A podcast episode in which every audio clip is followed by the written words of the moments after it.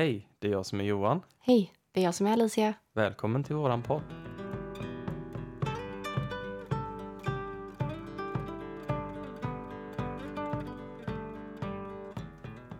Men du Alicia, jag tänkte på det här med din resa. Mm. Du har ju nyligen startat upp eh, din nya Instagram, eh, Ja. ak.coachning. Precis. Vill du berätta lite om, om det? Ja, jag har ju startat min coachnings Instagram nu då eftersom jag går coachutbildning hos tvillingsjälar. Ehm, och eh, det är ju där egentligen jag kommer eh, ja, men dela mitt, eh, min resa. Har jag börjat dela redan. Mm. Och sen kommer jag ju dela liksom, ja, min coachning där. Eh, och jag ville hålla det lite separat från själva familjens bök. Mm. Så att jag blir lite mer nischad på den. Precis. Men du har ju fått väldigt fin respons hittills på det som du la ut. Ja, ja men det, det har varit jättefint. Mm. Och det är så kul att eh, det uppskattas. Verkligen. Ta- Tanken med detta poddavsnittet är väl att vi ska eh, gå in lite på det som du har redan börjat prata om på din Instagram. Ja, jag tänker att vi eh, packar ur min ryggsäck lite. Ja, Och eh, att vi även går igenom lite hur det, hur det funkar ihop med det jobbet som vi gör. Mm. Ehm, men eh, jag tror att det kan hjälpa väldigt många ja, faktiskt. det är ett väldigt viktigt ämne att prata om. Absolut. Men eh, jag tänker vi börjar med, när var det du upptäckte att det var någonting som inte stämde? Att eh, det var svårt liksom? Jag har ju känt egentligen hela mitt liv att alltså, jag kommer från en annan planet. typ. Mm. Det finns ingen som tänker som jag. Jag känner mig väldigt eh, ensam redan som liten. Liksom. Eh, och jag vet inte, det var nog väldigt tidigt. Så, Ja. så långt tillbaka jag kan komma ihåg i alla fall. Vad, kan du ge något exempel på vissa saker som kändes fel? Ja, men jag hade ju, eh, som jag skrev i det första inlägget på Instagram så eh, skrev jag lite om ångest och panikångest och så. Eh, och jag var ju väldigt orolig när jag var liten också. Mm. Ehm, och jag, mina lärare, det skriver jag också i det inlägget, men mina lärare trodde ju att jag testade dem. För jag gick och satte mig bakom musikbaracken som vi hade på skolan. Eh, och nej men, egentligen ville inte leka med mina kompisar för att jag behövde sätta mig och liksom, jag, nej men, hamna i min kropp igen. Och jag kände mig väldigt ensam då också. Och då tolkade ju självklart mina lärare det som att jag sökte uppmärksamhet. Mm. Vilket egentligen inte var det jag gjorde. Och det var ingen som trodde att du inte hade några kompisar eller så? Nej gud, jag hade jättemycket kompisar. Det var inga problem liksom så. Mm. Utan jag lekte alltid med mina kompisar och jag hade jättekul ihop med dem. Men ibland så bara kände jag att jag orkar inte riktigt. Mm. Klarar inte av det. Du behövde få fly undan och få en liten paus. Ja, Men jag tänker det är väldigt viktigt eh, att man ser det att alla vill inte alltid vara i centrum och alla klarar inte av att hela Nej, tiden få alla intryck. jag tänker också på samma sätt. För det finns ju, alla behöver ju en paus ibland. Mm. Vi orkar kanske inte vara, när vi är på jobbet till exempel, eh, att man går undan en liten stund. Att man tar lite extra lång tid på toaletten eller att man, jag vet, eh, ja. Det är många som bara går undan en stund och försvinner iväg. Mm. Och så blir man så här, ja, men vad tog den personen vägen? Ja, men jag går aldrig och letar efter den personen för den behöver en stund för sig själv. Och om man inte vet, det, då tänker jag det man behöver få höra då, det är att nå- någon frågar eh, hur är det med dig till Mm. exempel? Ja, Är allt bra? ja, och får man svaret att jo, men allting är bra. Ja, okej, vad bra. Mm. Men jag finns här hela tiden om du vill Ja. prata. Ja. Bara så du vet liksom. Ja. Men du Mm. upplevde att du var väldigt eh, missförstådd Ja, som barn? ja, och det blev ju att det byggde ju upp en väldigt stor ilska i mig och en väldigt stor frustration och jag tror att det tog sig i form att jag rebellade ganska tidigt och nej men, jag färgade håret svart, jag gick med jättemycket kajal och nej men, jag var skitdeppig. Mm. Alltså, jag mådde inte bra. Mm. Hur länge höll detta i sig, tänker jag? Eh, ditt eh, dåliga mående och så. Alltså det började ju när jag var ja men, jätteung egentligen. Eh, sen så tror jag att det går liksom inte att sätta en startpunkt Mm. så. Eh, men jag tänker liksom runt eh, femman, sexan där. Mm. Vad är man då? 10, 11, 12? Ja, 12 typ. Där någonstans så började jag ju faktiskt må riktigt dåligt. Mm. Eh, och sen det höll ju i sig fram till bara för något år sedan. Mm. Upplevde så du att det är ju många år. ja, upplevde du att det blev värre ju högre upp i årskurserna du kom, typ högstadiet, absolut. gymnasiet? Absolut. Mm. Eh, I och med att pressen ökar i skolan och man eh, förväntas ta mer ansvar. Man eh, förväntas, eh, ja, men som jag tränade basket, då förväntas man liksom, ja, men hålla på med en sport. Man ska helst ha flera sporter igång samtidigt. Det blir väldigt mycket liksom. Eh, och sen så ska man vara liksom social och ja, men man ska passa in. Den åldern i skolan är ju fruktansvärd. Ja. Det, det är någonting jag aldrig hade velat gå tillbaka till. Mm. Men eh, jag tänker, någonstans så kände du att du kom till en punkt Mm. att det är någonting som inte stämmer. Ja, Då kom du in på det här med ADHD-diagnos. ja. Hur eh, kom det eh, fröet att planteras i dig, tänker jag? Eh, nej men det är väl alltså mycket med impulskontroll. Mm. Sen är det ju, tänker jag, för, för, för tjejer så är ju ADHD mycket inåtriktad. Mm. Eh, och det är ju fortfarande ADHD. Eh, även om den är mer att det är kaos inåt. För man, när man tänker ADHD då tänker man de här stökiga killarna i skolan som skrek och slogs och ja, men, inte kunde sitta still. Men alltså en inåtriktad ADHD är ju någonting där fantasin blir väldigt stor, man blir väldigt ja, men, kaosartad inom sig själv. Den här hyperaktiviteten, den Mm. ser man ju inte på utsidan lika Nej, tydligt. utan det är ju inte att du behöver springa tusen varv runt skolan utan det är att Mm. dina tankar eh, flyger tusen varv i huvudet. Mm. Liksom. Det, det går så snabbt. Mm. Men det jag tänker, det gör ju det gör det ju inte lättare i skolan att hänga med på lektioner och göra Nej. prov. För man har ju så mycket i huvudet som, Mm. som stör. Nej, men det, så är det ju. Sen är man ju ljudkänslig och Mm. eh, ofta ljuskänslig.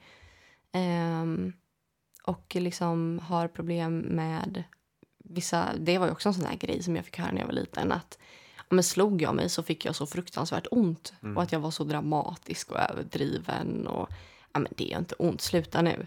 Lägre smärttröskel än andra. Det är faktiskt så att folk med ADHD eh, har lägre smärttröskel. Mm. Och någonting som gör ont, ja, om man skala 1 till 10 så kanske det för dig gör ont 2. Mm. för mig så är det kanske en sexa. Mm. Så att eh, det ja, man är väldigt känslig. Det blir väldigt jobbigt att förklara det, tänker jag, när du inte har en diagnos Mm. och att folk inte tror på dig Mm. på så många olika plan. Ja. Att eh, du hela tiden får höra att du överdriver, att du ska rycka Ja, upp men att- dig. Alltså, jag blir, man blir ju egentligen anklagad för att man ljuger. Mm.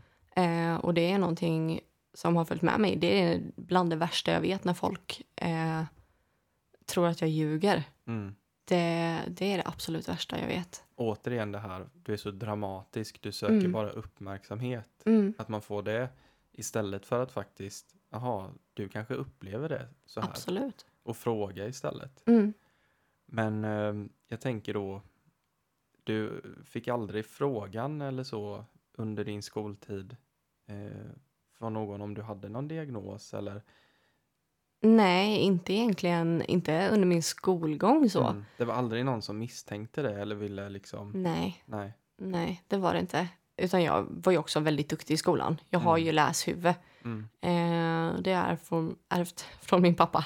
Han är också smart. Eh, men det, det är någonting som jag alltid har varit väldigt stolt över. Att jag har varit duktig i skolan. Eh, och det är också lite sådär duktig flicka-syndrom. Mm. Eh, det blir ju så. Eh, man, man vill gärna vara duktig och man vill gärna vara högpresterande om man har en extremt hög press på sig själv. Och sen så har man ju som sagt, alltså tankarna går ju i tusen och då blir det att man har så mycket idéer och så mycket liksom man vill göra. Och det blir också negativa tankar, Mm. tänker jag. Att man tänker ännu mer på vad andra tycker och tänker om mig. Man tänker ännu mer på liksom, ja, problemen också. Mm. Eh, om man bygger upp liksom, eh, falska anklagelser mot sig själv på något sätt. Mm. Och jag tänker att gå runt med den eh, stressbägaren som fylls på egentligen Alltså det- genom hela ditt liv. Ja, det blir ju, alltså stress är ju det värsta för människans kropp egentligen. Mm. Så stressen är ju fruktansvärd. Eh, men det byggs ju på och Mm. jag blev argare och argare och jag tror att jag var den enda tjejen i skolan som eh, hamnade typ i slagsmål. Alltså, Mm. ehm, Ja, till slut så måste det ju ta sig uttryck på ett eller annat sätt. mm, nej, men så är det ju. Och det är väl mycket frustration som har byggts upp. Och, Men det tog jag ju mm, först och främst ut på mig själv. mm, Ehm, och då glider vi in lite på det här med ätstörning och eh, självskadebeteenden. mm, För ätstörning är ett självskadebeteende i allra högsta grad. mm, Jag belönade mig själv med att inte äta. Eh, och det var också ett straff. Eh, sen fick jag ju eh, bulimi. Eh, vilket är att du hetsäter och kräks och hetsäter och kräks. Vilket är någonting av det värsta jag har upplevt. Eh, och som jag fortfarande har haft, eller fram till för väldigt kort tid sedan hade problem med. mm, Eh, men nu mera så anser jag mig vara frisk från det. För det är ingenting som jag längre eh, kämpar med varje dag. Nej, precis. Det kan väl vara de tankarna ibland som eh, ligger och gror. Mm. Att du tänker att eh, hoppas inte min ätstörning triggas igång av det här. Eller, Det kan ni ju göra. mm, Alltså, och då är det kortare perioder. Då kanske det är några timmar för mig mm, nu. Medan de här skoven kunde vara i flera veckor eller Mm. månader. mm, Eh, och där tänker jag också att man behöver vara fruktansvärt försiktig som förälder. ja, eh, till ett barn som man märker kanske inte mår hundra. Ehm, för det som egentligen händer i kroppen eh, när man skaffar en ätst- eller när man skaffar en ätstörning, när man får en ätstörning, det är ju liksom att du vill ju inte att någon ska komma på dig. mm, Du vill ju inte berätta för någon. Allting för mig började ju med att jag laddade ner en app. Eh, och den här appen var ju typ det värsta alltså värsta jävla appen jag har upplevt. Ursäkta språket, men, men den appen är fruktansvärd. Och där i den appen så räknar man kalorier på allting man äter. Och du skriver in din nuvarande vikt, längd och ålder. Eh, och din målvikt. Och sen så får du ett program för att eh, du ska gå ner i vikt. mm, Eh, det var bara det att jag tror jag fick 1400 kalorier eller någonting som jag skulle äta om dagen. Och din ålder var? Eh, jag tror att jag var 13-14. Mm, Eh, och då skrev jag nog in, åh gud jag kommer inte exakt ihåg men jag tror att jag vägde eh, 62 eller någonting. Och jag skrev in att jag skulle väga 45. mm, Eh, och då fick jag, ja, men jag tror att jag fick typ 1400 kalorier om dagen. mm, Och jag siktade på att ligga på ett underskott av 1000 kalorier mm. om dagen. Så att då alltså åt jag bara 400 kalorier om dagen. Och då vet man ju att får du inte i dig tillräckligt med energi, hur kommer det gå i skolan då? Mm, Så det är ju väldigt mycket som byggs på mm, eh, och det kallar vi ju för samsjuklighet. ja, och grejen är att en ätstörning, det får man oftast inte om man är helt frisk i övrigt. Mm, Utan ätstörning är faktiskt också en samsjuklighet, en Mm. bieffekt av en annan diagnos. mm, Eh, och i mitt fall så var ju det ADHD. mm. Eh, och det visste inte jag. Nej. Var du medveten om att du hade en ätstörning? Det tror jag att jag var, Mm. men jag levde så i förnekelse att jag, jag tror jag nekade mig själv att tänk, tänka att jag hade en ätstörning. Mm. Om vi går tillbaka lite till det här med skolgången och så. Mm. Ehm, du har ju pratat lite om självskadebeteende och eh, frustration, att du Ja. var väldigt arg. Mm. Var det någonting mer där som du utvecklade? Eh, jag tänker i högstadiet, gymnasiet, av eh, att vara odiagnoserad. Ja, alltså jag fick ju panikångest första gången i nian tror jag. Eh, och då vet jag att vi var den första nian som skulle göra nationellt prov. Eh, och, eh, för det var precis när eh, nationellt prov blev obligatoriskt för alla niondeklassare. Eh, men då vet jag att jag satt och läste på datorn en text som vi skulle göra till eh, nationella proven. Och helt plötsligt så är det som att nej men alltså jag ser lika bra som jag alltid har gjort. Men det är som att någon har bytt språk på texten. Jag förstår inte orden. Och jag tror att alla kan känna igen sig i det att när man läser typ ett ord för många gånger så börjar det se fel ut. Lite som tillfällig dyslexi. Ja men typ. Ja. Men det här var verkligen ett helt annat språk. Alltså jag såg bokstäverna klart och tydligt. Men jag förstod inte ett smack av vad som stod där. Mm. Vad det läskigt var det jätteotäckt. Och då slutade det med att jag börjar hyperventilera, jag springer in på toaletten, min bästa kompis springer efter mig. Eh, jag sätter mig på golvet, hyperventilerar och det känns verkligen som att min bröstkorg höll på att implodera. Mm. Det, alltså det var det värsta jag varit med om och jag trodde att jag skulle dö där och då. Mm. Eh, sen upplevde jag det här under hela nian, hela min gymnasietid och eh, flera år efter gymnasiet också. Eh, och jag tror jag räknade ut hur många gånger det blev. Nu kommer jag inte ihåg exakt hur många gånger, men jag tror det var 870 gånger eller någonting. Mm. Eh, för jag fick det minst tre gånger i veckan. Och varje gång så hade du den här känslan av att du skulle dö. Mm. Det Och det är ju lika otäckt varje gång. Ja. För du tror verkligen att du, det är som att hjärnan har glömt bort att du har haft det innan. Mm. För det, det är som första gången varenda jävla gång. Och det, du kommer dö. Jag tänker det här panikångestattack kallas ju det. Ja. Det är väl lite när ångesten eh, kulminerar eller vad man ska Mm. säga. Det blir som ett utbrott Ja. där kroppen bara stänger ner när den har fått för mycket kanske av ångest. Mm. Men eh, emellan de här panikångestattackerna då hade du väl ångest väldigt ofta kan jag tänka mig. Ja. Men jag, ångest var ju ett konstant tillstånd för mig. Mm. Eh, sen ser jag ju att allting grundar ju sig i att jag inte hade förståelse för mig själv.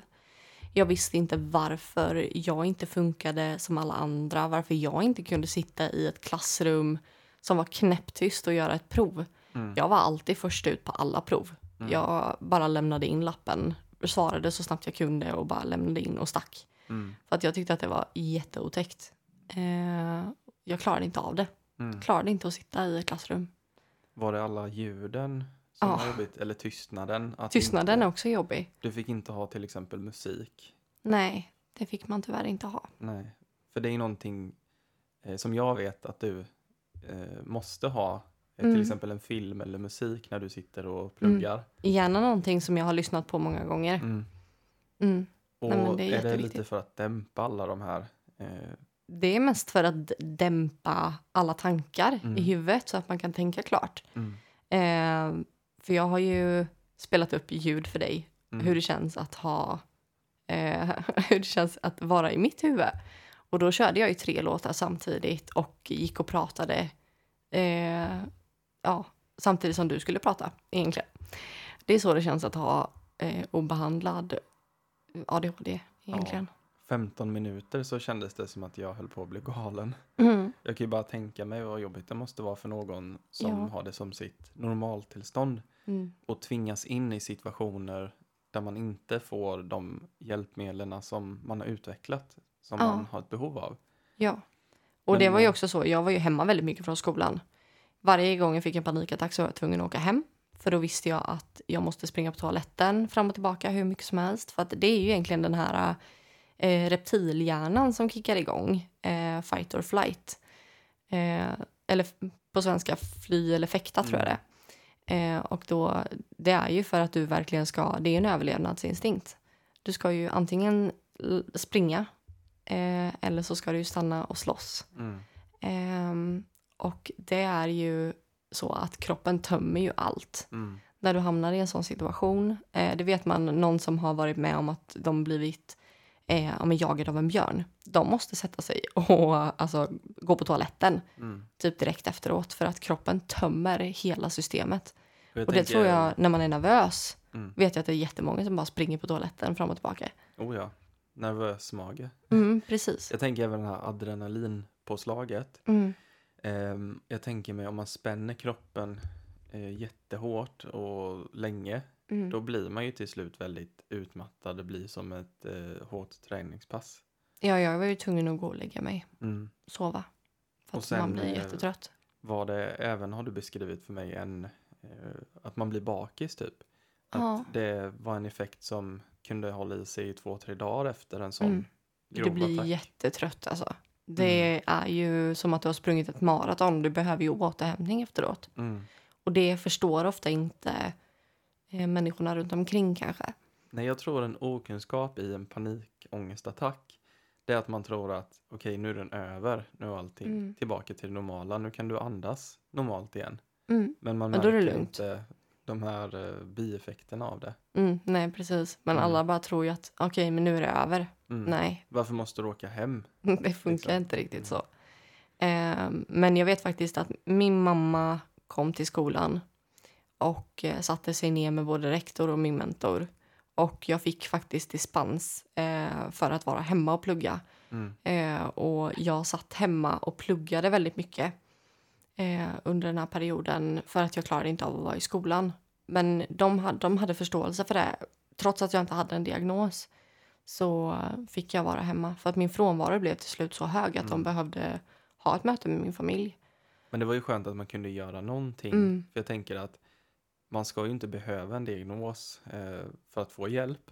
I Nej, ditt fall så var det ju någonting som man kanske inte kunde förklara. precis. Men man såg ändå, du kunde kanske berätta vad du behövde Mm, för att kunna klara skolan.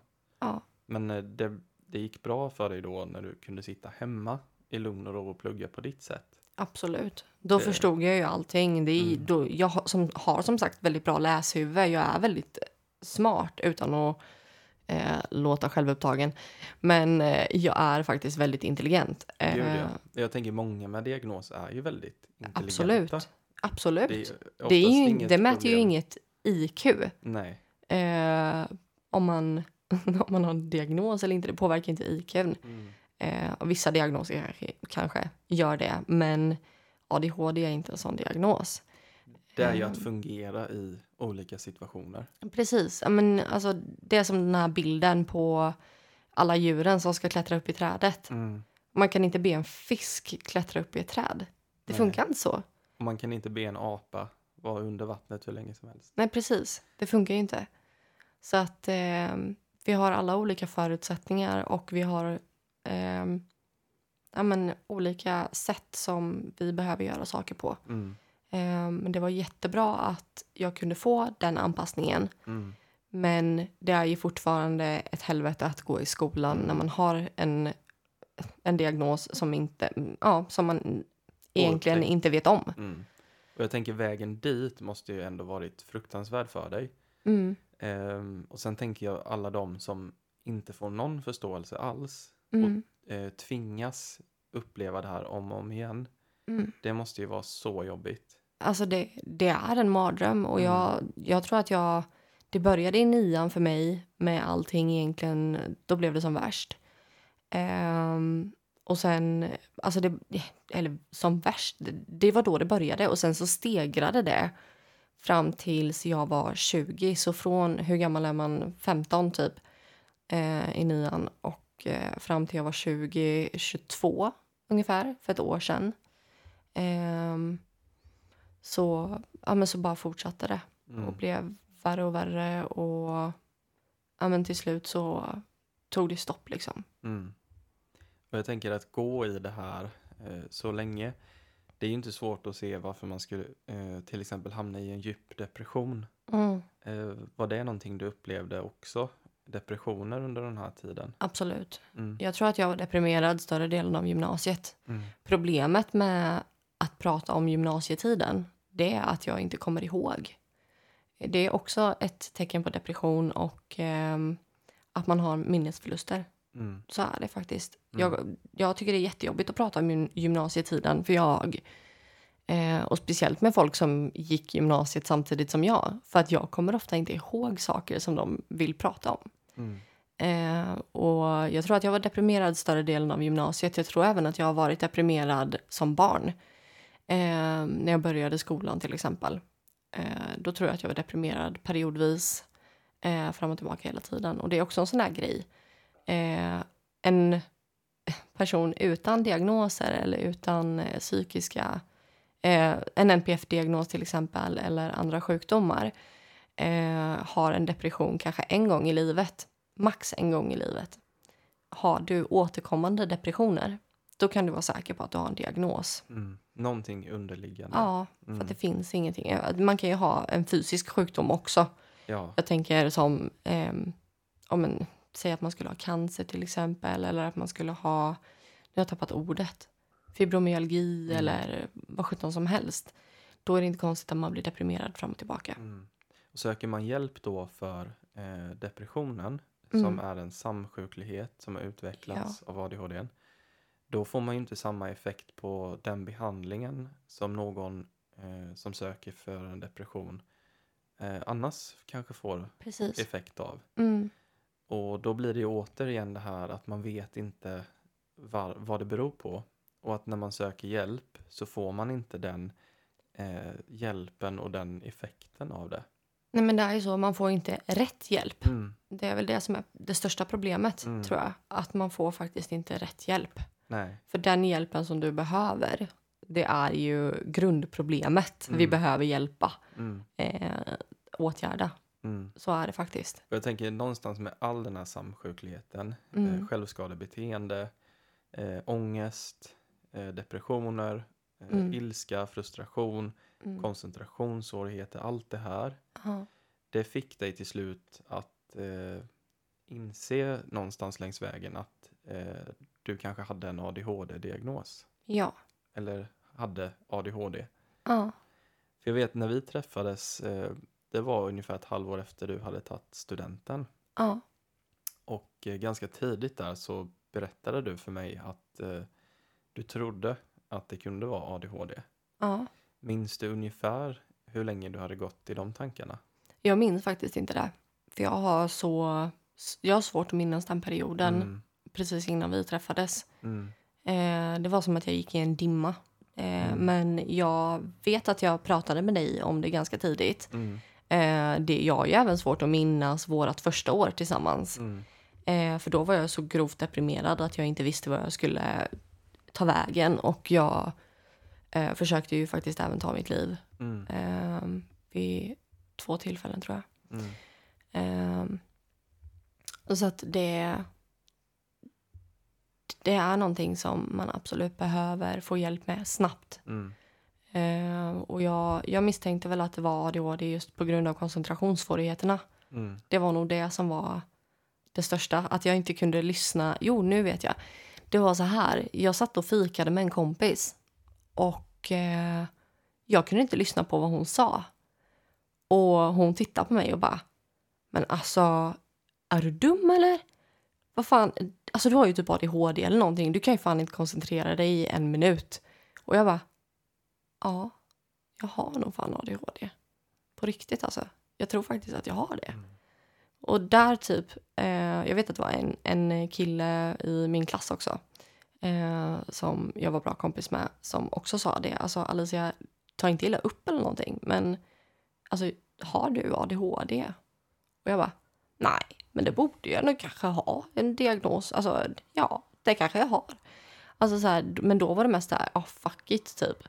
mm. Eh, jag orkar inte bry mig. Nej, för då kanske man inte ser att eh, det är någonting som man kan bli hjälpt av. Ja, Och jag tänker det finns ju fortfarande väldigt stor okunskap. eh, Absolut. Kring ADHD Nej, särskilt. men gud, jag var så fördomsfull. Mm, Alltså fruktansvärd. Men det...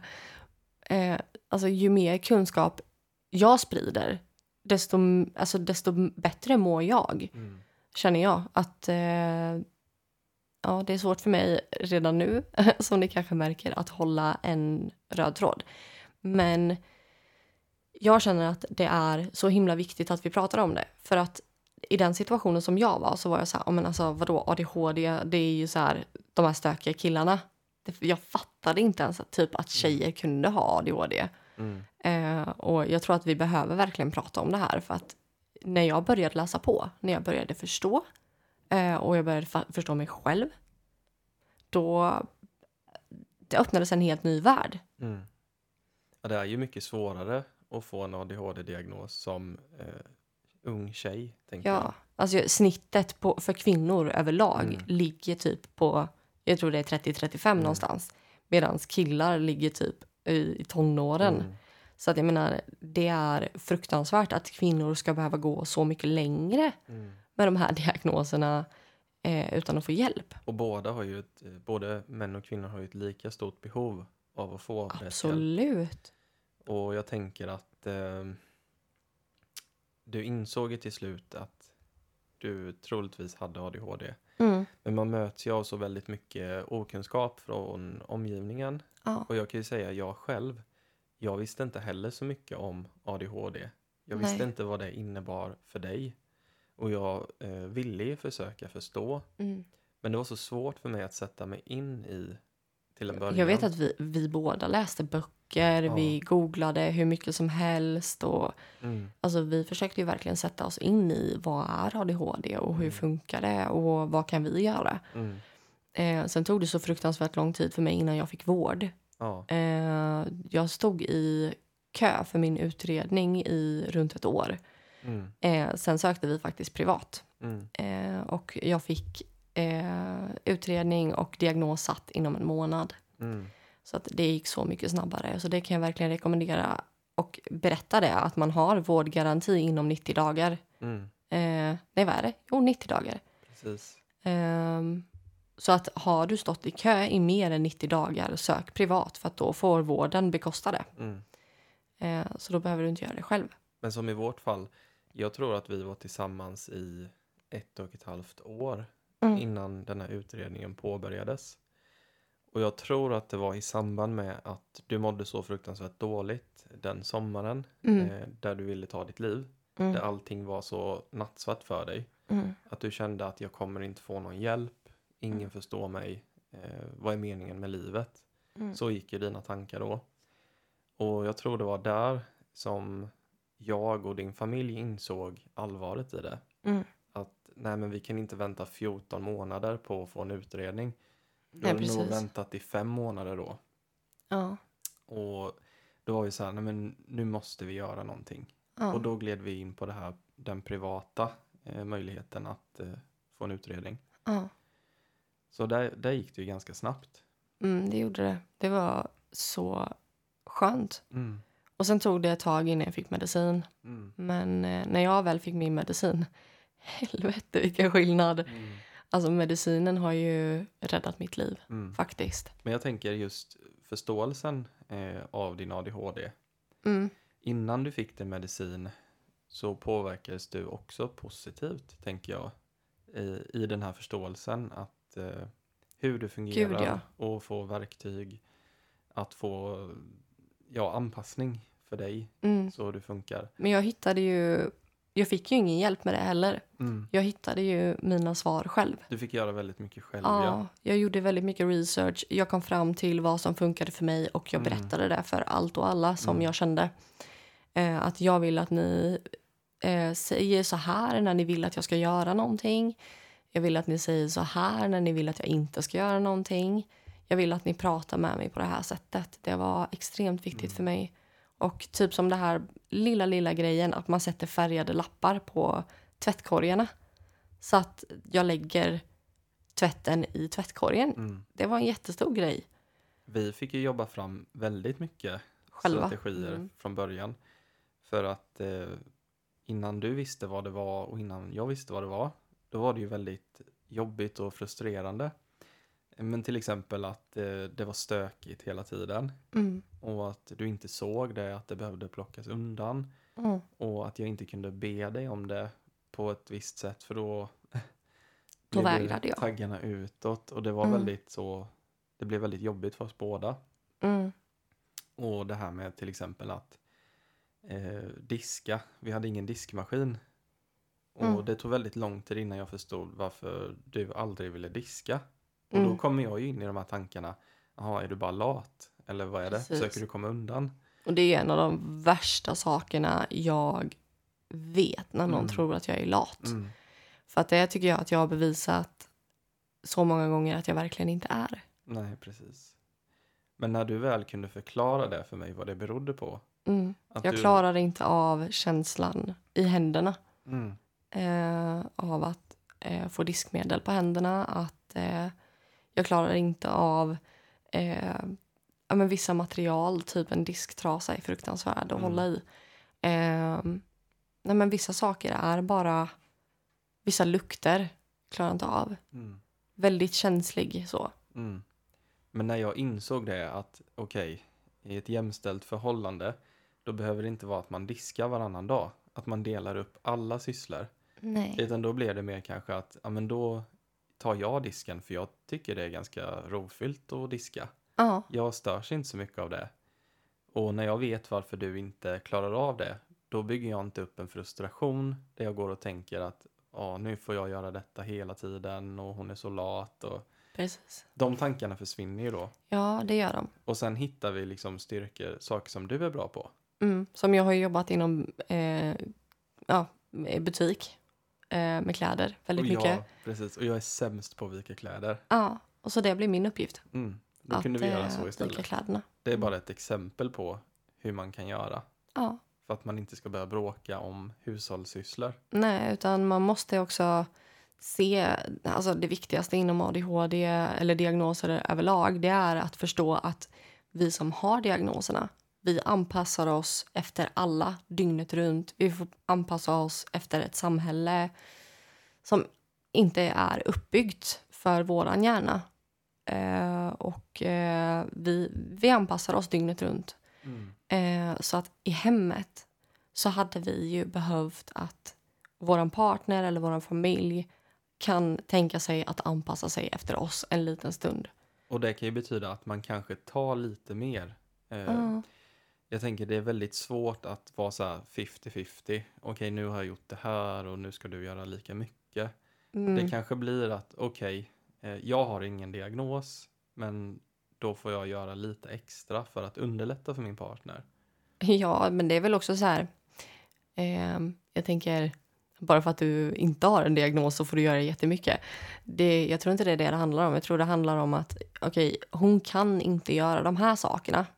Eh, jag har inget problem med att göra de sakerna. Mm. Eh, medans jag kanske inte kan vika kläder. Då kan hon göra det.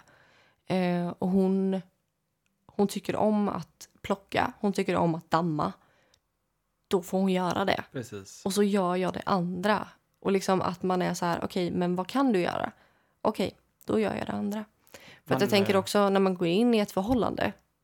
Antagligen så har man ju varit singel innan. Och då har man väl gjort allt.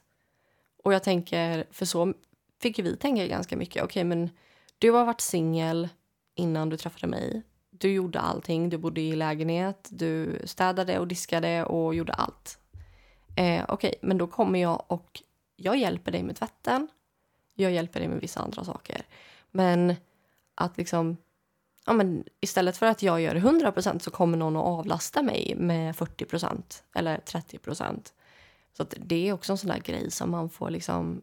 Det gäller, det handlar, allting handlar om perspektiv. Mm. Hur ser jag det? Ser jag det som att hon inte gör hälften? Eller ser jag det som att hon faktiskt hjälper mig? Mm. För jag gjorde ju 100% innan.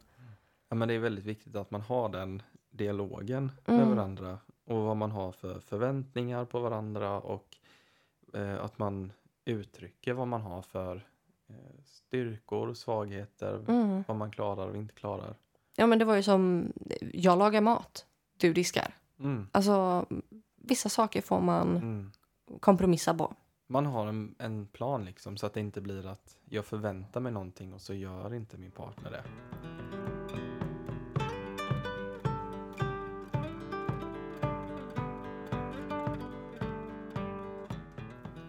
Hur var det då att uppleva eh, förståelse kontra att inte bli förstådd av omgivningen?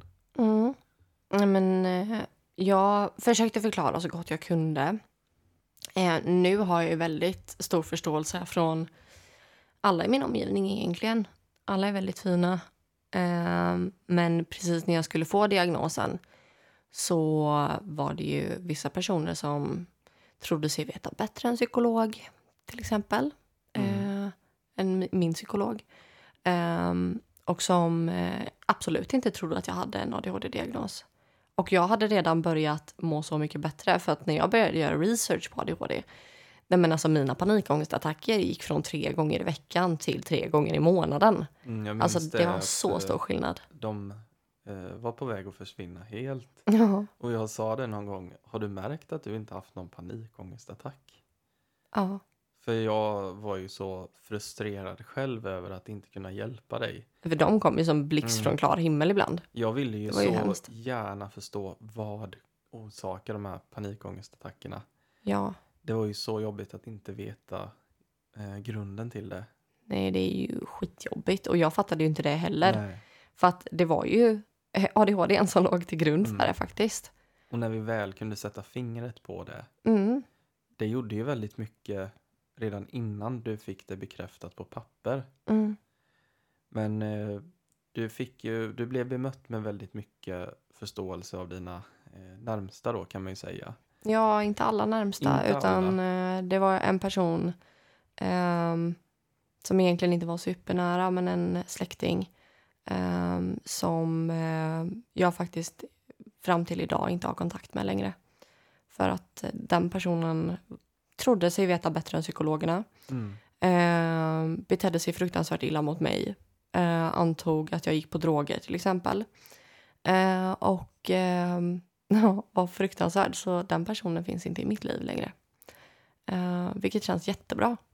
Alltså det är ingenting jag lider av. Och jag Mm. har valt medvetet att inte umgås med vissa personer. Att inte ha vissa personer i mitt liv för att de påverkar mig negativt och Mm. inte riktigt förstår mig.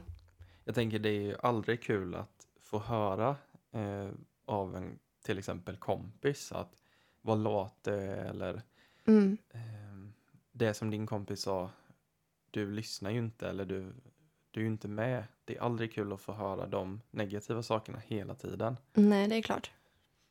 Och sen tänker jag när man väl förklarar då att ja, men det är för att jag har en eh, diagnos Mm. och att man blir bemött då med förståelse. Det måste ju kännas väldigt skönt. Ja. ja, men det har varit jättebra. Och min bästa kompis som jag har nu, hon är ju grym. Alltså, hon är ju verkligen så här. Hon kan ju komma hem.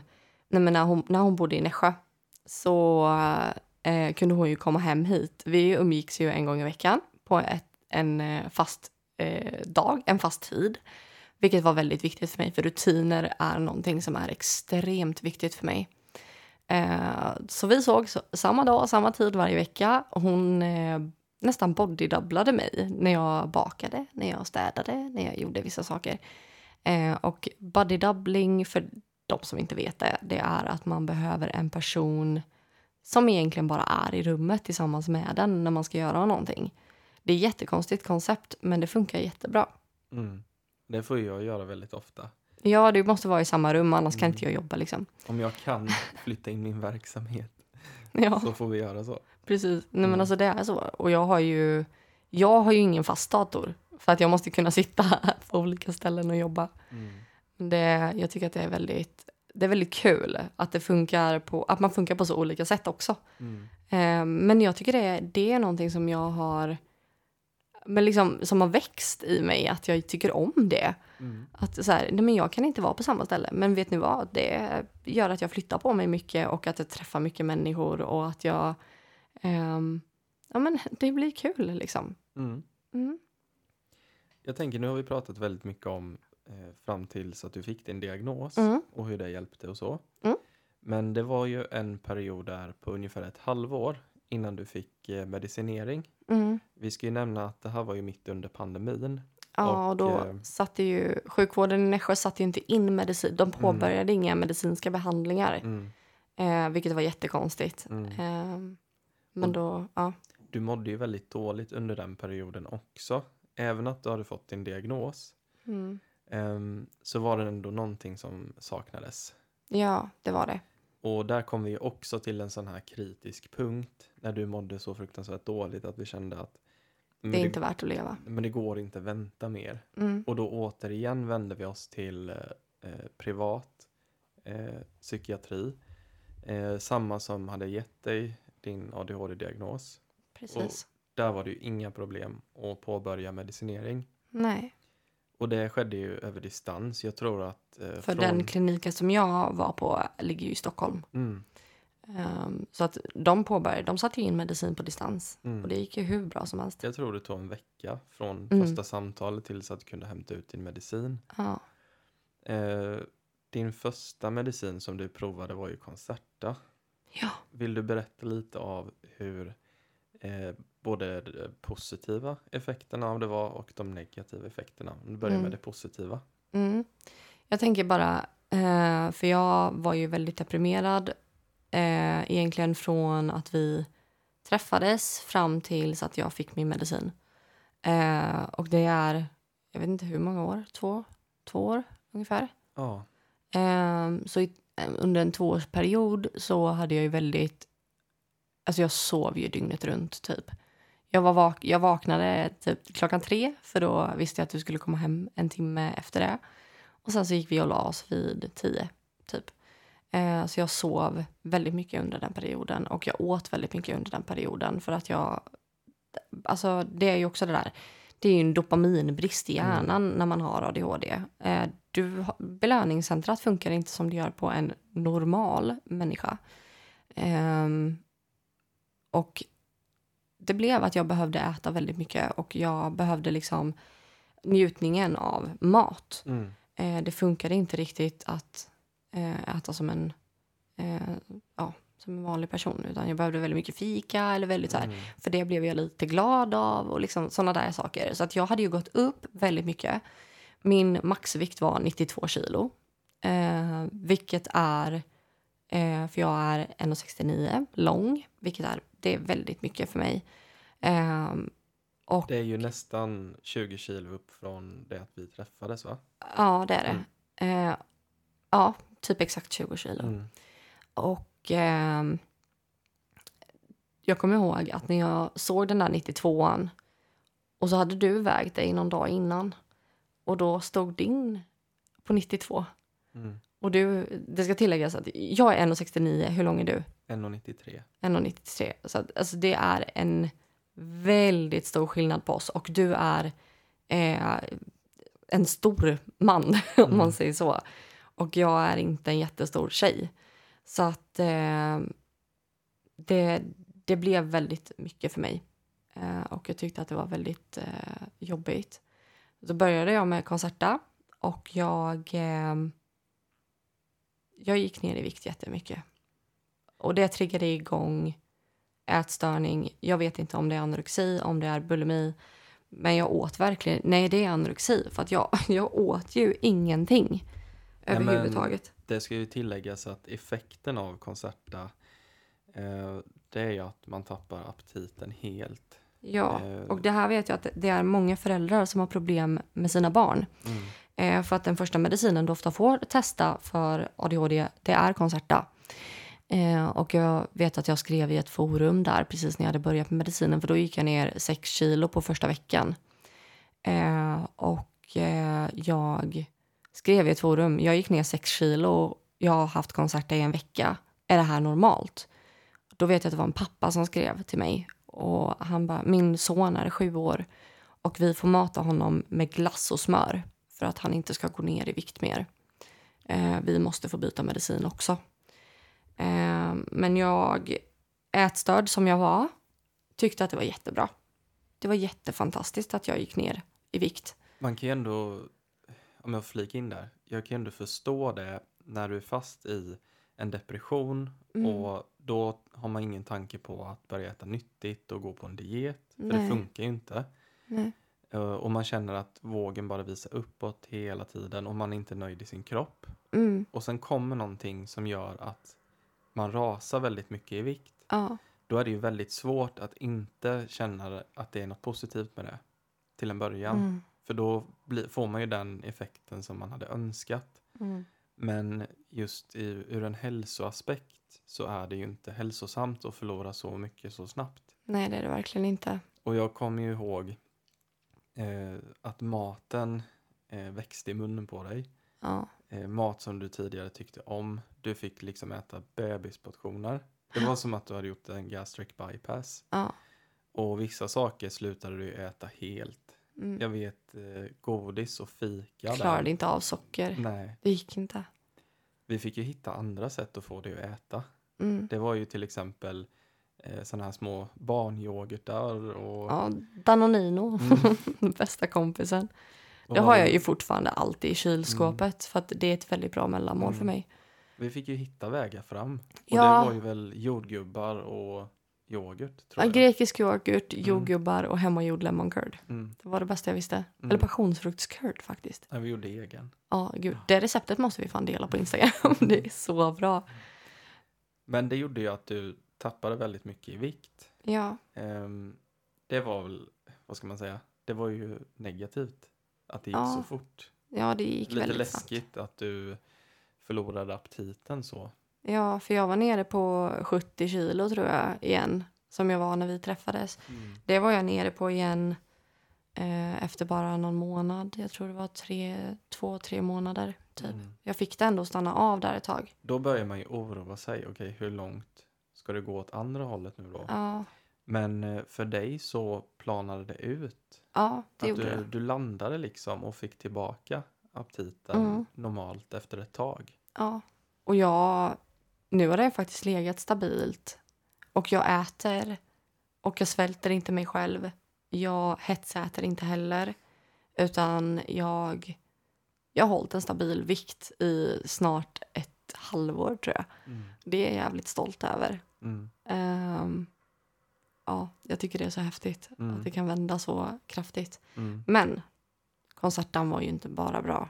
Eh, och det är absolut inte bra att gå ner i vikt. Men den funkade ju för ADHD, för koncentrationen blev ju fruktansvärt mycket bättre. Ja, vi i din omgivning märkte ju att du hade mycket lättare att eh, hålla fokus i en konversation till exempel. Under Gud, ja. tiden som du hade det i ditt system. Och ehm, bara det här med att du såg saker som du inte tidigare sett. Ja. Som låg framme till exempel. Mm. Att du började ju städa Ja, lägenheten. ja, ja. Gud. Och jag, jag började ju hålla ordning. Alltså på allt egentligen. Mm. Började organisera mer och nej men alltså ha, ha, ha Mm. koll liksom. En annan viktig sak som vi inte har pratat så mycket om som en samsjuklighet, det är ju sömnsvårigheter. Ja. Det hade du ju väldigt svårt med att reglera din sömn. Mm. Att till exempel ha väldigt svårt att kunna somna och att ha väldigt svårt att gå upp Mm. samma tid. Ja. Men eh, det var väl någonting också Det började som... ju så fort jag tog, började ta konserten, för då tog jag den tidigt på morgonen. Då gick jag upp klockan sju varje dag och gick och la mig klockan tio varje kväll. Mm. Och den rutinen har, ha- ja, den, den hänger med. Mm. Alltså jag mår så alltså fruktansvärt bra av att ha rutiner i mitt liv. Ehm, och det tror jag att alla människor gör. Mm. Alltså det är någonting som är typ det viktigaste. Mm. Alltså det är fruktansvärt viktigt. Har du inte rutin, alltså hur, hur lever du ditt liv? Jag fattar inte det. Sen är det viktigt att man inte fastnar i att göra saker eh, på autopilot. Det tycker Precis. jag är jätteviktigt. Men det, det är viktigt att ha rutiner Ja. och att ha någon form av standard. Ja. Det är jätteviktigt. Jag tror jag kan räkna på mina två händer eh, hur många gånger du eh, har gått upp senare än klockan sju. Mm. Även när det är helg, när andra Nej, har men det går inte. Nej. Nej. Och sovmorgon är för latmaskar. Nej. Nej, men jag tycker inte om sovmorgon. Och jag älskade sovmorgon innan. Mm. Alltså jag kunde ligga till klockan 12. Mm. Men nej, nu vill jag bara... Nu känns det bara som att man går miste om någonting. Precis. Mm. Ja, men sömnsvårigheterna de försvann ju mycket Ja. tack vare att medicinen fick dig att ha en rutin. Mm. Eh, jag tänker en negativ sak som inte kom så tidigt i början utan som kom lite längre in i medicineringen. Mm. Det var ju dina, du fick hallucinationer. Ja. Vill du berätta lite om det? ja, det var ju faktiskt därför jag fick byta medicin. Ehm, det var ju... Nu ska vi se när. För något år sedan. För typ ett år sedan. Precis, det jag det var, var. sommaren eh, förra året. Ja. Då började jag få hallucinationer. Ehm, och nu kan jag skratta åt det för att det låter så fruktansvärt jävla dumt.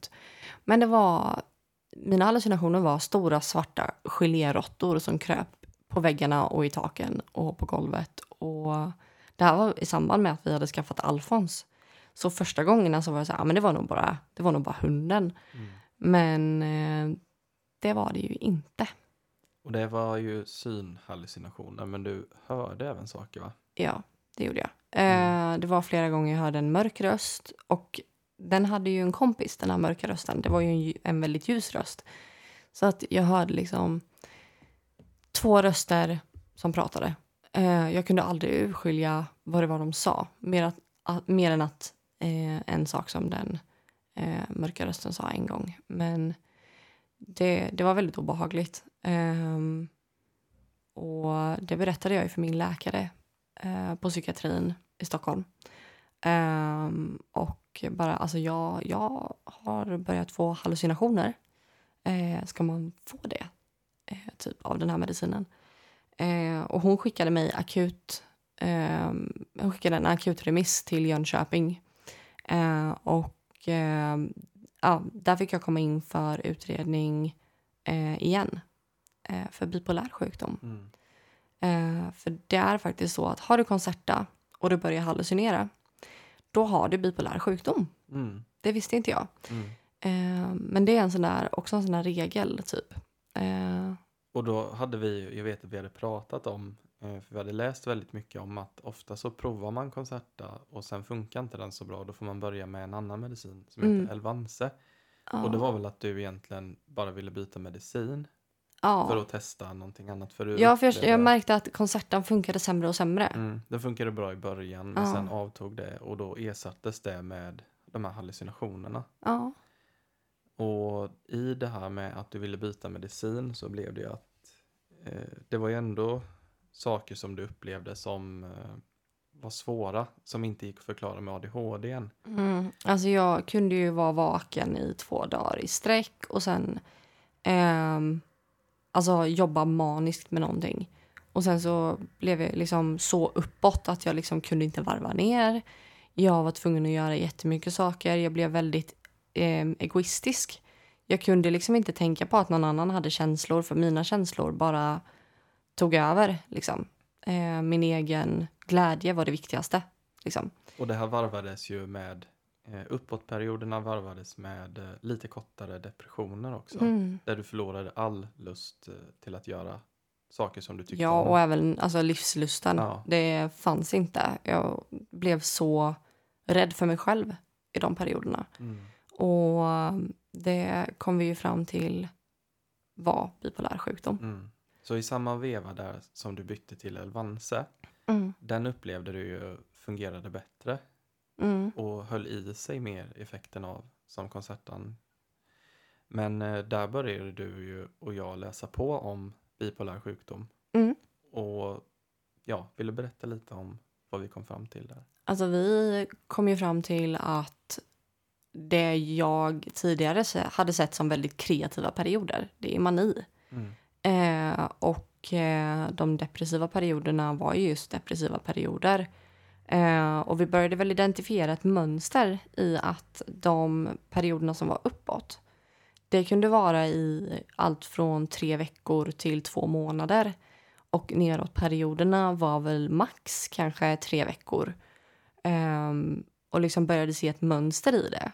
Och det tror jag var, alltså det är nyckeln till att hantera eh, en bipolär sjukdom. Mm. Eh, och sen så började jag ju faktiskt gå till en läkare, en psykiatriker på psykiatrin i Jönköping. Och eh, hade ett långt möte där vi pratade om alla mina symptom. Och han satte ju typ 2.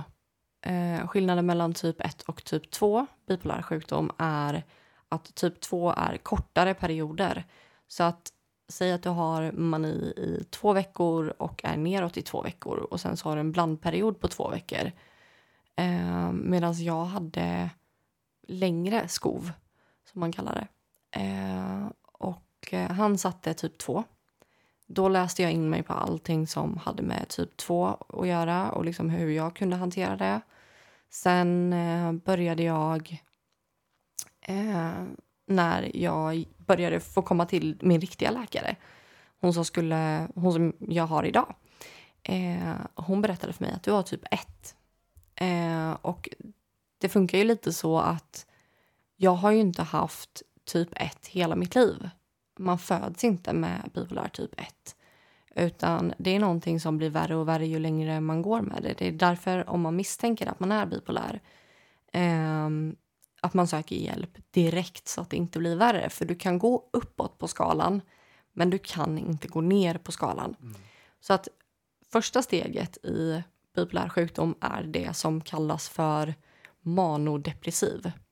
Eh, och då är det att man har ganska kraftiga uppperioder och ganska kraftiga nerperioder och det kan svänga ganska hårt från dag till dag. Men steg två då, det är bipolär typ 2. Eh, steg tre, där bipolär typ 1. Steg 4, eh, det är schizofreni. Så du kan gå uppåt på skalan, men du kan tyvärr inte gå ner. Eh, så det var en jäkla tur att jag fick hjälp när jag fick det. Mm.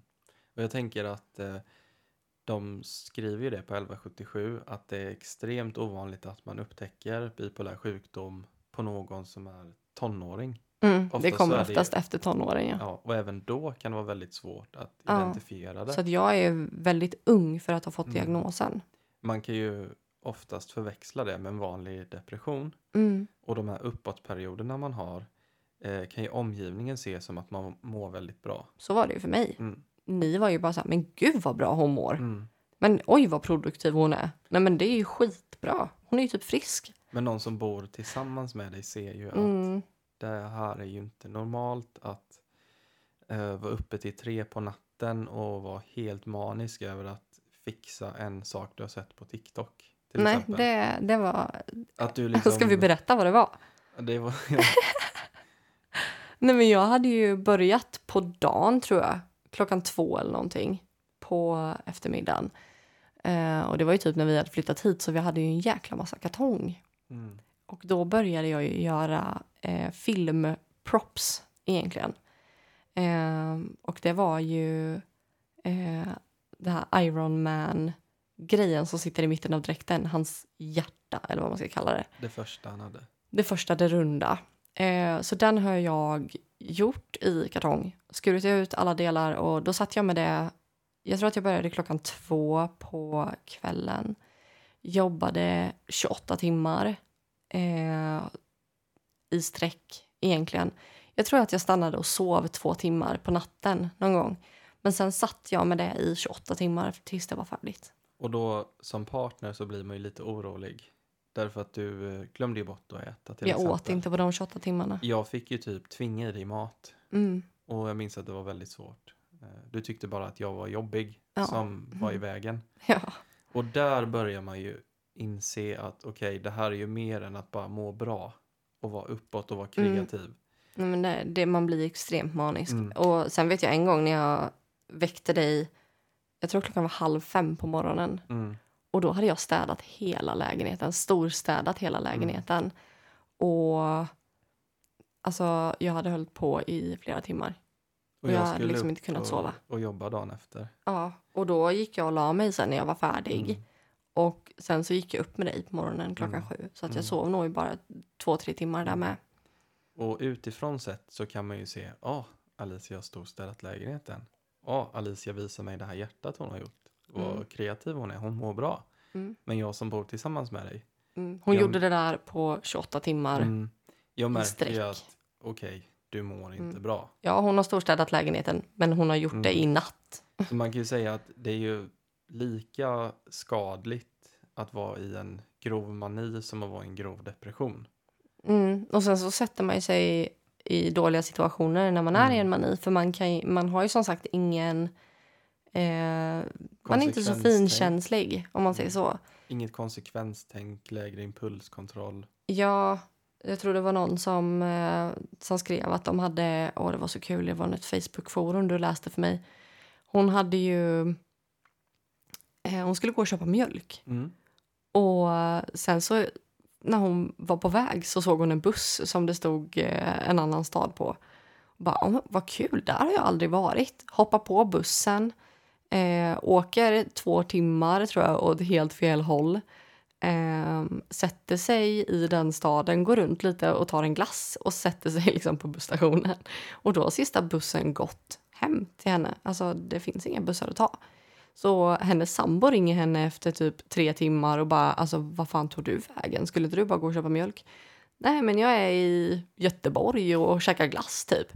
Bara, vad fan gör du i Göteborg? Han fick ju åka och hämta Alltså, henne. han fick ju åka två timmar och hämta henne och sen två timmar hem igen. Så men, det kan ju eh, ställa till det ganska mycket. det kan ställa till det ordentligt. Och just det här att man inte tänker på ja, men vad, vad sätter jag andra i för situation. Och man kan ju vara ganska, ganska hård i sina ord ehm, också. Och hur man behandlar andra människor. För jag vet, det har varit gånger jag bara, men alltså Johan du är fan dum i huvudet, lämna mig i fred. Alltså, nu gör jag slut för att du bara går mig på nerverna hela jävla tiden. Mm. Eh, och när du inte tänker lika snabbt som jag ska men du är helt jävla efterbliven och var jätteelak. Alltså. Och det kan ju ta väldigt hårt på många relationer. Mm. Eh, nu har ju vi pratat så mycket om det här att vi vet. Jag kan lägga band på mig. Nu är jag också behandlad för min, min bipolaritet. Eh, men vi har pratat så pass mycket om det att vi de sakerna behöver vi inte ta personligt längre eh, när de väl kommer. Nu kommer de inte så ofta för att jag vet hur jag ska bete mig också. Det har lugnat ner sig med eh, rätt behandling och rätt förståelse för mig själv. Det Så ska det. vi ju nämna att eh, eh, när vi gjorde en, eh, med din familj en liten utbildning på ADHD Mm. då pratade de ju också om bipolaritet Ja. och där visade de en kurva. Mm. Den har ju varit väldigt användbar i att förstå bipolariteten. Just eh, hur starka de här svängningarna kan bli Mm. och vid rätt behandling så kan man inte få den här kurvan att bli helt plan men man minskar Man klipper av topparna och dalarna egentligen. så att det inte blir så Mm. stora manier och stora depressioner. Precis.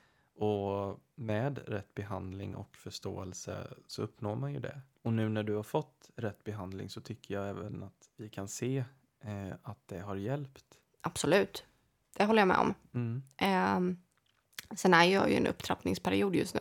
Mm. Så att det kommer bli bättre och bättre. Mm. Men eh, de här uh, biverkningarna som jag var rädd för, att jag inte skulle vara mig själv eller hela den biten, det upplever jag ingenting av. Mm. Det tycker jag är så skönt, för jag var livrädd för att jag skulle bli eh, personlighetsförändrad. Mm. Men det blev jag faktiskt inte. Jag tycker det är jätteskönt. Och du fick ju den snällaste medicinen Mm. där din läkare faktiskt berättade att det är den eh, som ger väldigt bra effekt Mm. men som inte ger så mycket bieffekter. Nej, jag har inte upplevt någonting Mm. egentligen.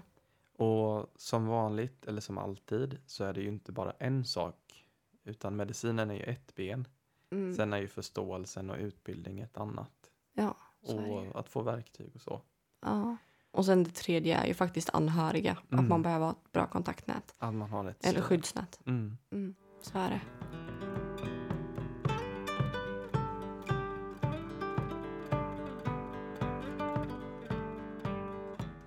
Men jag tänker lite på de här hallucinationerna.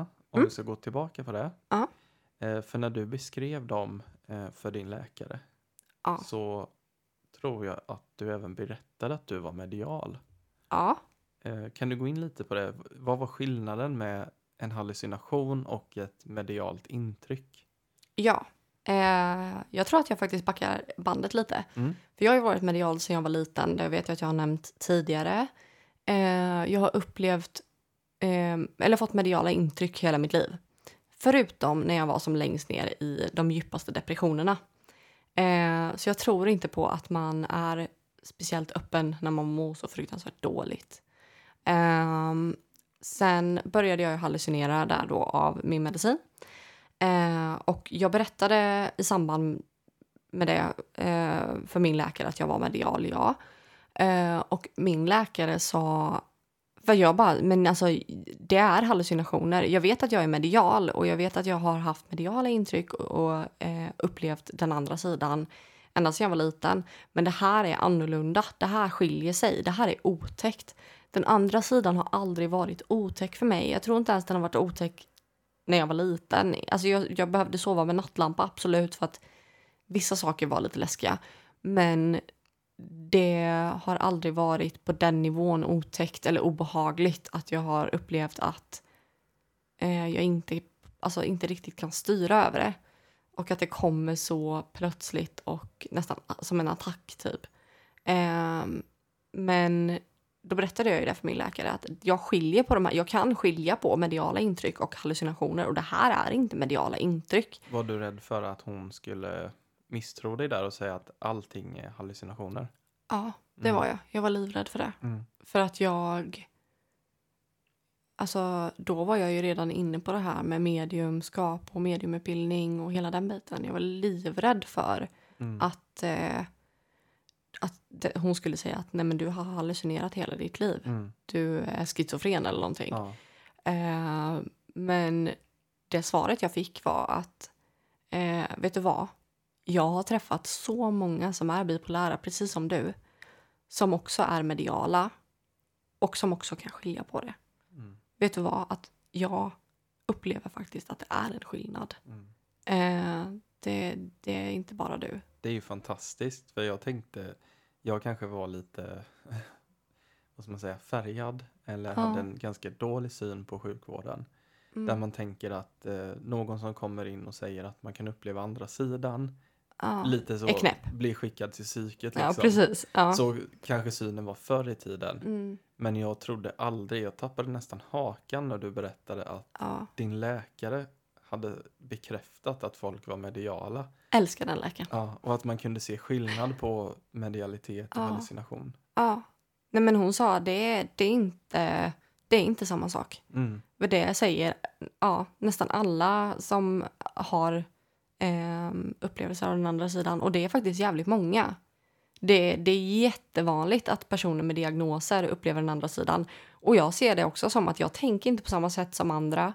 Nej, jag är inte lika stängd som andra heller. Alltså, som, om man jämför dig och mig. Du har ju ingen diagnos. Eh, du har inte upplevt... Du har säkert gjort det när du var väldigt liten, upplevt mediala eh, intryck eller upplevt den andra sidan. Men det är som de flesta personer tränar ju bort det. Det är som att man har mindre spärrar och andra filter. Ja, Hjärnan är ju och det är därför olika. många säger så här, ja men de som har ADHD, de kläcker ut sig så jävla dumma saker. Ja, vi har kanske inget filter. Eh, det kanske stämmer. Men vi har inte heller ett filter uppe i huvudet heller. Eh, utan jag tror att vi är mer öppna och man följer sin egen väg mycket, mycket mer. För man kan inte följa någon annans Mm. väg. Det är ju egentligen två olika hjärnor eh, som är programmerade på olika sätt. Ja, Det handlar ju inte om att en hjärna är sämre eller, eller bättre. bättre. Nej. Däremot så kanske större del av befolkningen har, om man får säga normal, men inom psykiatrin så säger man ju neurotypisk. Precis. Och det är just för att det är normen. Men Precis. det betyder ju inte att en ADHD-hjärna på något sätt är sämre. Det är ju när du sätter den hjärnan i en neurotypisk miljö och förväntar sig att den ska fungera lika bra där. Ja, men precis. problem. Som apan och fisken och trädet. Säg om det skulle vara omvända roller, att eh, världen var uppbyggd av ADHD-hjärnor Ja, och sen har du dagens neurotypiska som hamnar där.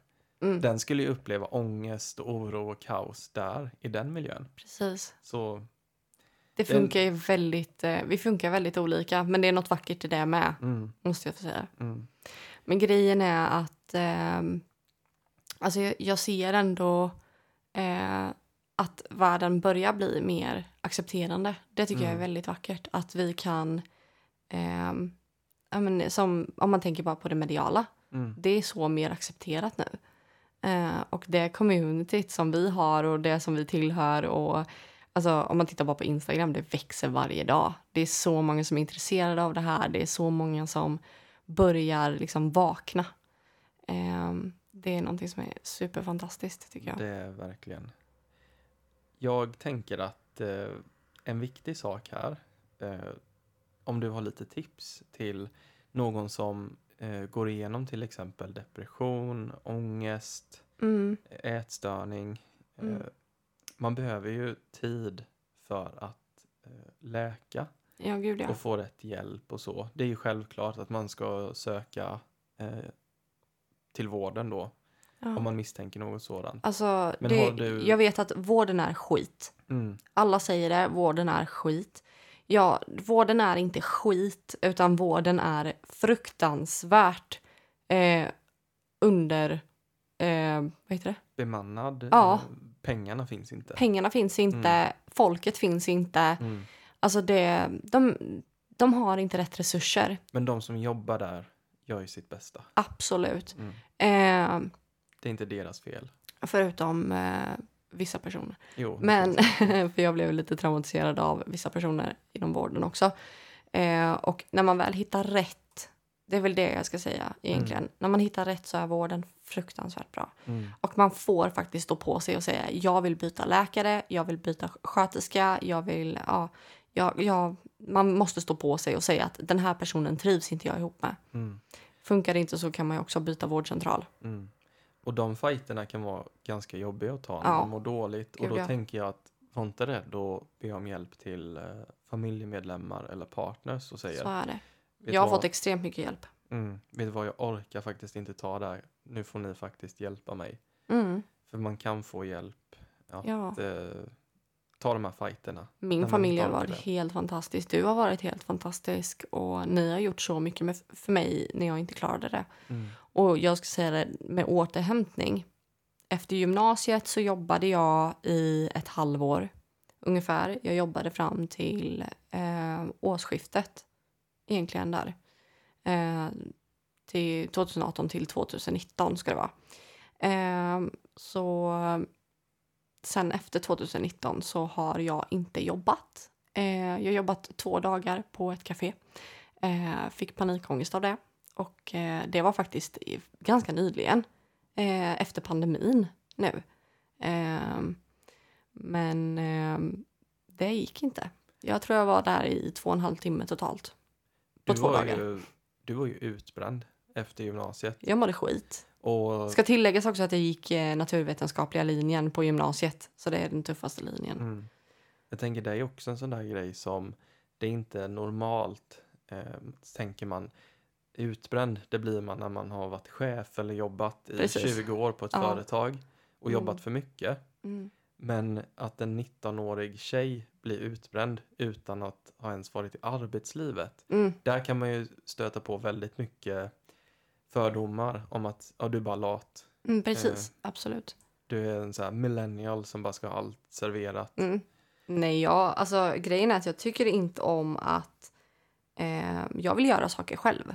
För jag vill ha det på mitt sätt och jag vill, ja, men jag vill klara, eh, klara av saker på mitt eget sätt. Och jag vill liksom, nej men jag vill göra det själv. Och jag tänker, hade du mått bra, då hade du säkert kunnat ha ett normalt jobb bara för att ha en inkomst. Mm. Men i och med att du var så pass utbränd, Jag var ju hemma från inte det. 2019 fram till nu. ja, Jag, vi startade i Familjens spök. Eh, vi började mediumutbildningen i april mm, eh, i år, mm, eh, 2022. Eh, och efter det så startade vi egentligen Familjens spök ganska snabbt. mm, Eh, vi var ju färdiga nu i augusti. Och det, nu jobbar jag ju heltid med Familjens spök. mm. Och jag har eh, heltid för mig har väl varit mer eller mindre dygnet runt för jag älskar det. Eh, och jag tycker att det är så kul och jag mår riktigt jäkla bra av det här. Vilket gör att för några månader sedan klarade jag inte, jag tror att det var december förra året faktiskt. Mm, Eh, jag klarade inte två och en halv timme utspritt på två dagar utan att må skit mm, på en vanlig arbetsplats. Och nu jobbar jag 24-7 och mår Mm. fruktansvärt bra. mm, Så att jag tror definitivt att eh, ett tips som jag vill lämna med alla som lyssnar oavsett diagnos eller inte. Det är att gör det du älskar. mm, För du kommer aldrig vara bättre eh, på, det, på något annat jobb än när du faktiskt gör det du älskar. extremt Och var inte rädd för att satsa på det. För att Mm. det jag har upplevt också, när du gör någonting som du verkligen, verkligen tycker om, det kan fan mig inte gå fel. Mm, Det kan inte gå snett. Det kan inte... Du kan inte misslyckas. Det, och misslyckas är ett ord jag hatar mm, och älskar. För att det finns ingenting som heter misslyckas. Det, det heter lärdom. mm. Då är det bara upp igen och satsa allt. Mm. Och jag tänker, när man, innan man väntar på att få en diagnos kanske, man mår väldigt dåligt, man är i en depression och man kanske inte vet vad man vill göra med livet. Eh, för dig så var det ju att eh, eh, du fick ju inte möjlighet att eh, få eh, ekonomiskt stöd från samhället. Nej. Så där fick ju din familj och jag gå in och hjälpa dig väldigt mycket. Ja. Eh, och vi la inte den pressen på dig att nu måste du skriva in dig på Arbetsförmedlingen. Jag hade... Det har varit en lyx, kan Mm. jag säga. För det, alla kan inte göra så. Mm. Alla har inte en familj som kan stötta, stötta en ekonomiskt. Ehm, alla kan inte vara hemma från jobbet i fyra år Mm. och tycka att det är okej. det var ju som ett skyddsnät. Ja, Men om du skulle få ta del av samhällets skyddsnät, då kommer ju det med vissa krav. jag tror inte att jag hade klarat det överhuvudtaget. Nej, då är det ju krav om att du ska söka jobb Mm, eller att du ska ha på papper att du inte kan jobba mm, om du ska få försäkringspengar. Det är väldigt jobbigt för någon som mår dåligt att uppfylla de här kraven. ja, Och där kände vi väl att vi gjorde ett försök att eh, söka ersättning, men vi fick avslag. ja, Och där kände vi bara att nej men det, det tar för mycket av att ta den här fighten. mm, Så vi får klara oss på en inkomst. Ja. Och sen får du den tiden du behöver till att läka och må bra. Mm. Så vi vet ju, du och jag, hur jobbigt det kan vara eh, utan ja, att få ekonomiskt stöd. Men har man den möjligheten mm, eh, så sätt er Ja. inte i den situationen att ni ska börja söka jobb och nej. jobba deltid. Alltså har man, har man möjlighet att eh, få på något sätt ekonomiskt stöd av familj eller så. Om det är att man behöver flytta tillbaka hem eller någonting. Gör det ett tag. Ehm, det, det är viktigt att vi får återhämta oss och det är fruktansvärt att samhället inte är uppbyggt på det sättet att alla kan det. Mm. Jag vet det är så många som kommer ut från gymnasiet och mår skit och inte vill leva längre. Och hur ska man liksom... Vi behöver för det första ändra skolsystemet för att när man kommer ut från gymnasiet och mår så jävla dåligt att man inte ens vill leva. Alltså du har hela framtiden. Alltså det, åh, du har hela livet framför dig. Du har värde för dina fötter. Du har alla möjligheter att skapa dig någonting. Men du vill inte leva för du mår så fruktansvärt dåligt. Det är något som är Det är allvarligt något som fel. allvarligt fel på, alltså på hela skolsystemet, Mm. ärligt talat. Mm. Och jag känner bara, vi måste på något sätt alltså, låta barnen få tala. Vi måste låta ungdomarna få tala. Och jag förstår att det är så många föräldrar också som inte förstår hur de ska hjälpa sina barn. Eh, och speciellt eh, föräldrar till eh, NPF-barn. Mm. Det är jättehemskt. Och jag blameade mina föräldrar jättemycket. Jätte, jättemycket för att de aldrig hade förstått mig. Och idag kan jag säga att mina föräldrar har ju fan gjort allt för mig. Mm. De har ju försökt mer än vad som kan förväntas. Och jag ångrar så mycket att jag har haft agg mot dem.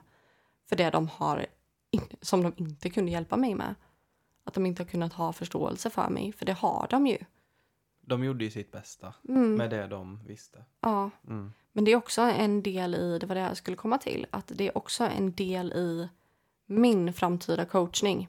Jag vill kunna hjälpa föräldrar till NPF-barn. Jag vill kunna hjälpa unga personer med NPF. Eh, jag är ingen läkare, jag är ingen psykolog, jag är ingen terapeut. Jag är coach. Eh, därför kommer jag att kunna hjälpa till med mina egna erfarenheter. Jag kommer kunna hjälpa till med det som jag har levt igenom. Jag tänker där vården inte räcker till. Mm, Säg att man står och väntar på en utredning mm. och man har den här desperationen av att jag kan inte vänta, jag måste ha hjälp nu. Ja. Där kanske du kom in lite i bilden. ska också tilläggas att vården inte får ge vissa tips och råd eh, Mm. och de får inte prata på vissa sätt. Eh, inom coachyrket, absolut. Eh, det finns begränsningar, men det är mycket mer öppet och ärligt. Och eh, alltså jag delar mer än gärna med mig av mina tips och dina tips också. Det- Vad vi har Absolut. kommit fram till tillsammans. Och liksom, ja, Jag, jag vill bara kunna hjälpa med mina erfarenheter. Jag vill kunna hjälpa folk att hitta rätt i livet oavsett om man har en diagnos eller inte. Mm. Vad fasen, alltså det finns så många som går och väntar på rätt tillfälle. Eller som går och väntar på att eh, möjligheten ska falla i knät på dem. Mm. Så där kan man inte tänka. Det, alltså, Och jag tänker bara vilken fantastisk resa du har gjort. Från att Ja. må så dåligt, att vilja ta sitt liv, att inte se att det finns något ljus. mm, Till att ta sig igenom allt det här, få rätt hjälp och inse att det du vill göra, det är att hjälpa andra. nu blir jag typ tårögd, men Mm. ja. Mm. Men och att, eh, att tänka tanken att jag är bara 23 år. exakt, du har ju, du är faktiskt inte så gammal. Och Mm. du har ju hela livet framför dig. Mm. Och tänk om du bara kan hjälpa en Alicia Mm. att slippa gå igenom samma sak. Ja. Det är ju så fint. Det är det jag vill. Ja, Oj, jag blev lite... Oj, jag blev känslosam. det får det vara. Men det här är absolut mitt hjärtaämne. Jag kommer Mm. aldrig kunna leva med mig själv om jag inte får hjälpa andra. Mm. Jag kommer inte... Jag kommer inte kunna vara på, på ett vanligt jobb. Jag kommer inte kunna göra det som normala inom citationstecken personer kan göra. Utan jag kan göra det som bara jag kan. Mm. Men snacka om att det är meningsfullt. Det är så meningsfullt. Mm. Det betyder allt för mig och de som jag har kunnat hjälpa hittills genom bara att samtala Mm. egentligen. Det, det är något fantastiskt. Och jag blir så rörd när jag tänker på att faktiskt det finns folk som faktiskt lyssnar på mig Mm. och som faktiskt förstår precis vad det är jag vill få fram och att de går och tror att de är ensamma. Precis så som jag gjorde innan. Mm. Och att jag kan vara den där som bara, men hallå, jag är precis likadan. Mm. Det är ingenting som är fel med det. Jag tänker bara om den Alicia för tre, fyra år sedan fick lyssna på detta avsnittet. Så bara det hade ju kunnat hjälpa henne på så många sätt. Ja, Mm. nu börjar jag gråta. Mm. Men det hade varit guld Mm. i den situationen. Mm. Och eh, hela det här avsnittet är väldigt utlämnande. Det är väldigt blottande. Men jag ser att vi kommer aldrig komma framåt om vi inte pratar om de skitjobbiga sakerna. Och så. eh, vet ni vad? Det finns faktiskt ett ljus i tunneln. Det Det gör gör det. faktiskt det. Mm. Oavsett hur mörkt det verkar, oavsett hur dåligt man mår, även om man inte vill leva, häng, häng in there. Mm. För det blir faktiskt bättre. Och fan, kämpa med näbbar och klor för att du ska komma upp till ytan. För att det finns en yta. Det finns ett ljus i tunneln. Man mår bra till slut. Det är inte värt att ge upp hela livet bara för att det är jobbigt just nu. Mm. Och tro mig, jag har varit så långt ner man kan vara. Det är Ja. hemskt. Och jag har bevittnat det och som partner så är det fruktansvärt när den personen du älskar mest av allt och vill dela ditt liv med förklarar för dig att eh, nu har jag bestämt mig, jag vill inte leva mer. Inte Helt ens iskall du, också. inte ens min familj spelar någon roll, inte ens för eran skull. Det är fruktansvärt att behöva stå på andra sidan som partner och bevittna det. Mm. Så inte bara för er själva men även för eh, de runt omkring er Mm. så är det väldigt viktigt. Ja, det är extremt viktigt. Och jag tror att vi rundar av det här avsnittet Mm. med att säga att dela väldigt gärna det här avsnittet. Eh, det är ett extremt viktigt avsnitt. Gå jättegärna in och följ mig på min Instagram, eh, ak.coachning. Eh, ni får jättegärna skriva till mig. Eh, jag har en mailadress där också om ni vill skriva ett mejl. Annars så skri- skriver ni i DMs direkt på Instagram. Eh, och sen får ni självklart gå in och följa Familjens spök också. Mm. Vårt andra konto. Definitivt. Eh, jag vill jättegärna höra era upplevelser och eh, behöver ni stöd så är jag här. Mm. Eh, och jag är ju faktiskt färdig coach i, i februari. Eh, och då kommer jag börja ta emot ja, klienter.